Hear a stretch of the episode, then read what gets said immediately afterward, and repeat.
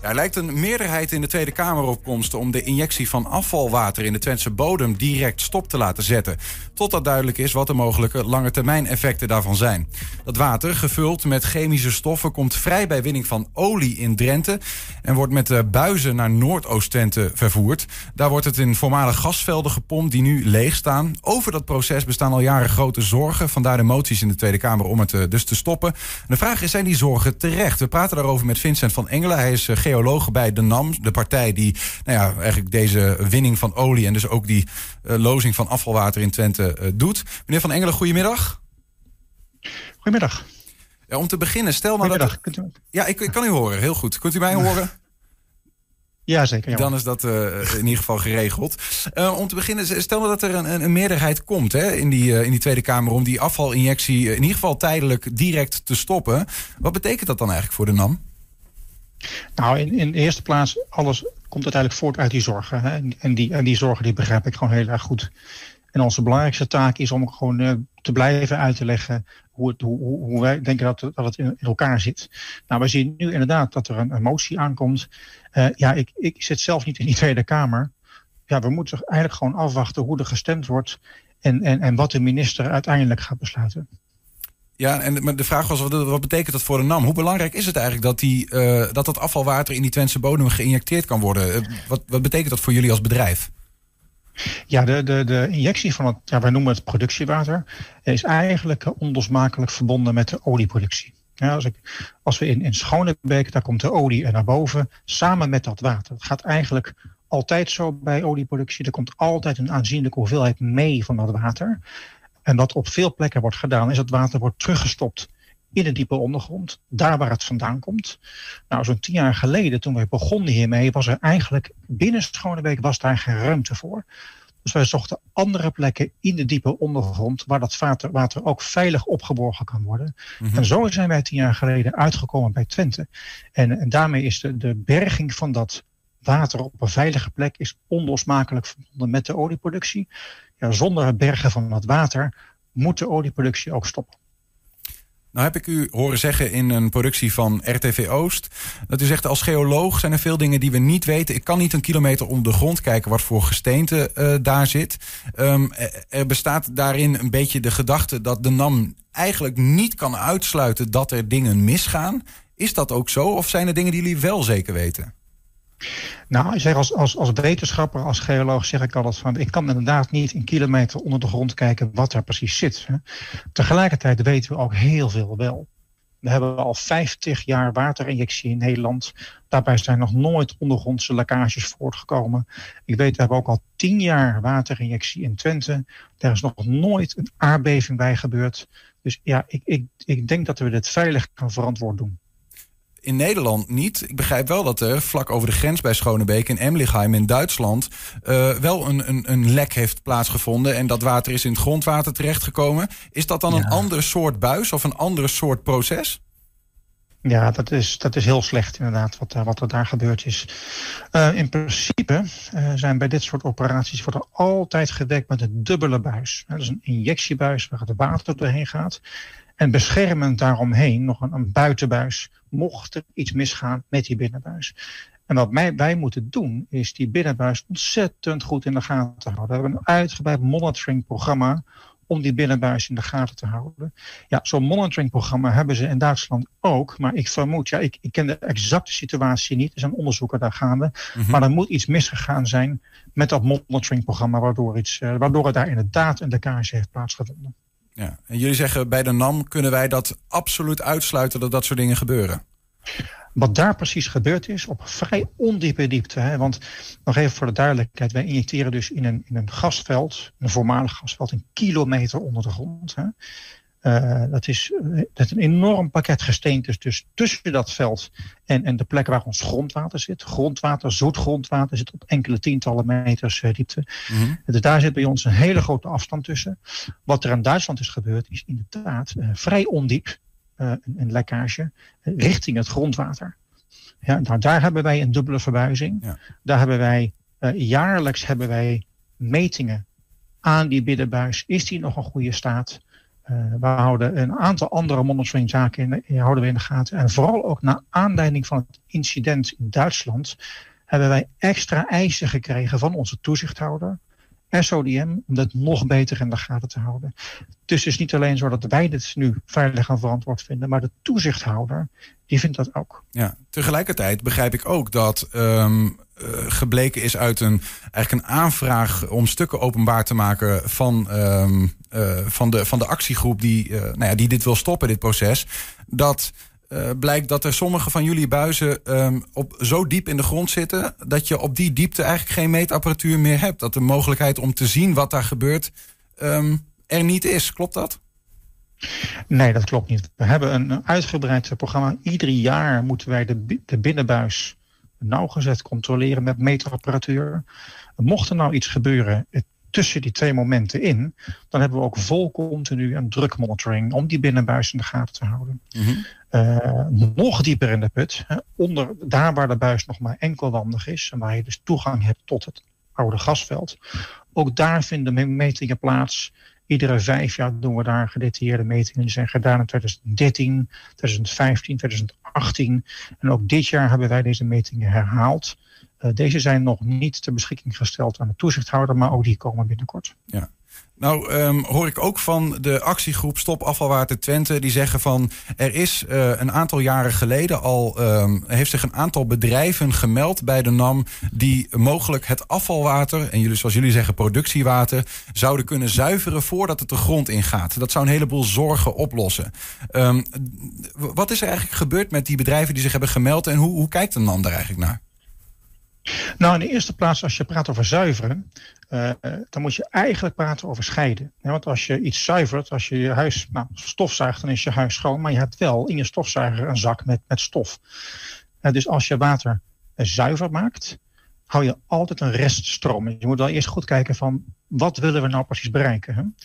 Um, dus we hebben inderdaad een paar jaar geleden, in 2016, hebben we onderzoeken gedaan naar alternatieven. Sterker nog, dat moeten wij ook hè, van, de, van de toezichthouder, van de vergunningverlener. Mm-hmm. We moeten iedere zes jaar onderzoek doen om te kijken of dat, dat injecteren van dat water, of dat nog steeds de beste verwerkingsmethode is om dat water te verwerken. Ja. Um, goed, dus dat hebben we zes jaar geleden gedaan. Daar toen is, toen is gebleken dat ja, je kan inderdaad dat water scheiden in schoon water. Wat, je, wat zo schoon is, je kan het hergebruiken voor stoom. Je zou het zelfs drinkwater van kunnen maken. Maar dan zit je wel met een, een, ja, eigenlijk een afvalberg aan gemengd zout. Wat, wat niet herbruikbaar is. Uh, bovendien uh, kost het erg veel energie om dit uh, concept toe te passen. Er, was, er waren een aantal partijen, waaronder een partij die inderdaad uh, de stichting naar voren heeft geschoven. Met die partij hebben we ook uitgebreid vervolgonderzoek gedaan of het niet nog beter kon, nog energiezuiniger. Dat lukte ook met die apparatuur. Ze hebben inderdaad een interessante techniek met uh, de helft van het energieverbruik. Ja. Maar nog steeds zit je dan met heel, heel, heel veel energie. Toch, hè, iedere zes jaar moet het onderzoek opnieuw. En ook dit jaar zijn we begonnen met een nieuw onderzoek naar alternatieven. We moeten daar gewoon naar blijven kijken. Het interessante is dat we eigenlijk met, met de stichting best goed contact hadden dat voor kort. En dat zij zelf met een voorstel kwamen tot een soort van circulaire manier van werken, ja. verwerkingswijze. Waarbij je dus uh, niet scheidt tot zoetwater en een berg zout. Nee, je maakt een scheiding aan tussen zoetwater en een stroom, laten we zeggen, ingedikte uh, um, zoutwater. Dan heb je een kleinere hoeveelheid, mm -hmm. die uiteraard nog steeds geïnjecteerd moet worden. He, maar dan zou je dat, hoef je dat niet per se in Twente te doen, maar dan zou je dat ook in Schonebeek kunnen doen. Nou, dat onderzoek dat loopt nu. We zien ook interessante technische ontwikkelingen. We hebben universiteit, of onderzoeksgroepen van de Universiteit Twente ook gevraagd ons daarbij te helpen. Dus er zijn wel degelijk interessante nieuwe inzichten uit voortgekomen. Ja, maar voor nu zegt u, um, de, dus de, de, de, mogelijkheden die er nu liggen, die zijn uh, of uh, kosten uh, heel veel energie. ik, ik vat het even op als het is niet rendabel. En, um, ja, dat... en of, of je zit met een hele grote restpartij met, dat, met het chemische afval waar je nog steeds iets mee moet. Nou, de, de, de, bij de ene optie echt naar dat vaste zout, dat is niet verstandig. Die andere optie, dat circulaire optie, voorgesteld door de stichting, is best een interessant voorstel. Ja, het kost een hoop geld, maar het is nog steeds erg interessant. We zijn het aan het onderzoeken. We kijken daar serieus naar. Het is niet, zeker niet alleen een kwestie van geld. Het gaat er ook om dat je gaat kijken van... Hey, is dat inderdaad wel een verwerkingswijze die milieuvoordelen biedt? want ook daar komen chemicaliën bij kijken. En ook daar komt toch ook weer waterinjectie bij kijken. Toch ook weer waterinjectie. Want daar, waar hebben we het natuurlijk over? Mensen zijn bang voor dingen die ze niet kunnen zien, wat ver onder de grond uh, gebeurt. Een van de angsten die er ook leeft is, uh, stel dat die buizen uh, het, het goed houden, die binnenbuis. Want uiteindelijk die buizen die begeven het wel eens op een bepaalde manier. Dat zien jullie dan ook. Nou ja, dat wordt dan hermetisch afgesloten. Dat is bekend. Maar stel dat, het, um, dat ze het uiteindelijk dat ze niet gaan lekken. Dan komt het alsnog in die gasvelden terecht. De angst is ook dat het water in die gasvelden op een gegeven moment omhoog gaat komen. Dan komt komt het in een zoutlaag terecht die daar omheen zit. Het zout zou dan gaan, uh, ja, ik wou zeggen smelten. Dat lost dan op. Um, en daardoor ontstaan er ja, eigenlijk ruimtes die, nou ja, of aardbevingen zouden kunnen veroorzaken of verzakkingen. Nou, mensen zijn bang voor Groningse taferelen. Nou, zeggen um, uh, onafhankelijke experts zeggen van ja, dat kan. Maar ik hoor eigenlijk dat de NAM overal zegt dat sluiten wij uit. Hoe kan dat eigenlijk? Nou, ik begrijp, ik begrijp die zorgen heel goed. Als je die doemscenario's hoort, ik, ik zou me ook uh, zorgen maken. En wat er eigenlijk feitelijk gebeurt, is dat, dat uh, de, de, mensen van de stichting die schetsen die doemscenario's. En dat hebben ze in het verleden ook gedaan. In 2011, helemaal aan het begin van dit project, is daar zelfs een rechterlijke uitspraak over geweest. En, en, maar daar wenst de stichting zich niet bij, bij neer te leggen. En die rechterlijke uitspraak was? Uitspraak geweest. Ja, die was in 2011 en die was gebaseerd op onafhankelijk onderzoek door Stichting STAP. Dus dat is ook aangevraagd door, door de rechtbank destijds. En uh, STAP heeft onderzoek gedaan naar al deze beweringen en heeft eigenlijk alle bezwaren destijds weerlegd. Wat we daarna hebben gezien is dat het verhaal blijft gaan voor deze doemscenario's. Daarom heeft uh, in 2016 is er een nieuw onderzoek geweest, een uitgebreid onderzoek van TNO, mm in opdracht van, van uh, ministerie van Economische Zaken. Uh, om nog een keer heel goed te kijken naar al die zorgen, al die, al die bezwaarpunten. En ook in dat onderzoek zijn die bezwaren weerlegd. En is ook het doemscenario wat wordt geschetst. Ja, dat is gekwalificeerd als, als um, nou, zij omschrijven dat als ficties niet realistisch. Met andere woorden, ja, dat, dat kan eigenlijk niet. Ook over, dus over dat de. Is feitelijk want dat, dat, is feitelijk wat er gebeurd is. Als ik nog één ding mag, mag vragen. Ja. Uh, ik, hoor, ik lees ook regelmatig dat er andere experts zijn uh, die denken dat het anders zit.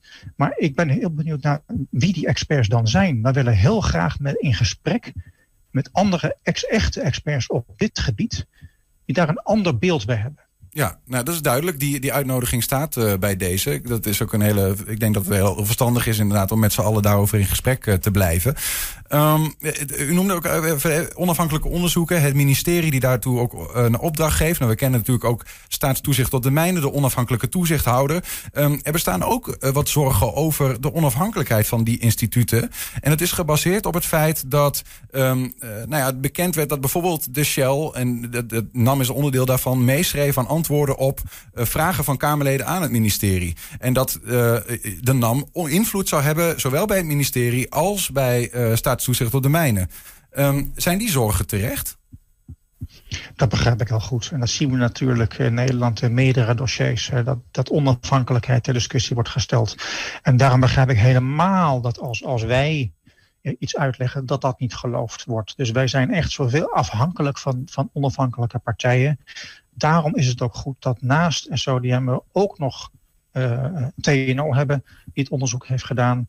En in het verleden hebben ook buitenlandse universiteiten hier in detail naar gekeken. Mhm. En dat moet vooral doorgaan. Ja, Onafhankelijk onderzoek. Supporten jullie ook? Uh, want ik voel me inderdaad af, ja, dan, dan is, lijkt me het ook handig om, om alle schijn van partijdigheid uit te sluiten. Dat uh, jullie ook als NAM de minister, het minister erop aandringen van gebruik nou in je antwoorden niet onze antwoorden, maar laat onafhankelijke partijen ernaar kijken. Maar dat, dat moedigen jullie ook aan. Zeker, en de onderzoeken die wij nu doen, hè, ook die, die nieuwe evaluatie van alternatieven, die zal worden gecontroleerd. Niet alleen maar de SODM, maar ik heb begrepen dat ook andere onderzoeksbureaus zullen worden ingeschakeld. Ja. Um, We hadden het al even tot slot even over die. Uh, er zijn externe uh, deskundigen. En ik weet hun namen niet. Dus bij deze, ik moet dat schuldig blijven. Maar er zijn mensen die, zeggen, die met verstand van zaken die zeggen: het kan wel misgaan. Daardoor voelt het voor sommige mensen. We hoorden Herman Vinkers dat ook zeggen. Als Russisch roulette. Als er een kans is dat het misgaat. en er ontstaat een natuurramp. dat moeten we nooit willen. Dan is er een advies geweest van de Mijnraad. Ook een onafhankelijk adviesorgaan die zegt. de regering moet eigenlijk beter met het voorzorgsprincipe omgaan. Hè? Dus we moeten eigenlijk zorgen dat, er, dat we uit uitsluiten dat er dingen gebeuren door het misschien wel niet te doen, totdat we zeker weten dat er geen ongelukken kunnen ontstaan. Um, ook gezien alle negatieve ervaringen in Groningen bijvoorbeeld. Uh, hoe kijk je eigenlijk naar jullie eigen verantwoordelijkheid in dat soort, um, in daarin zeg maar?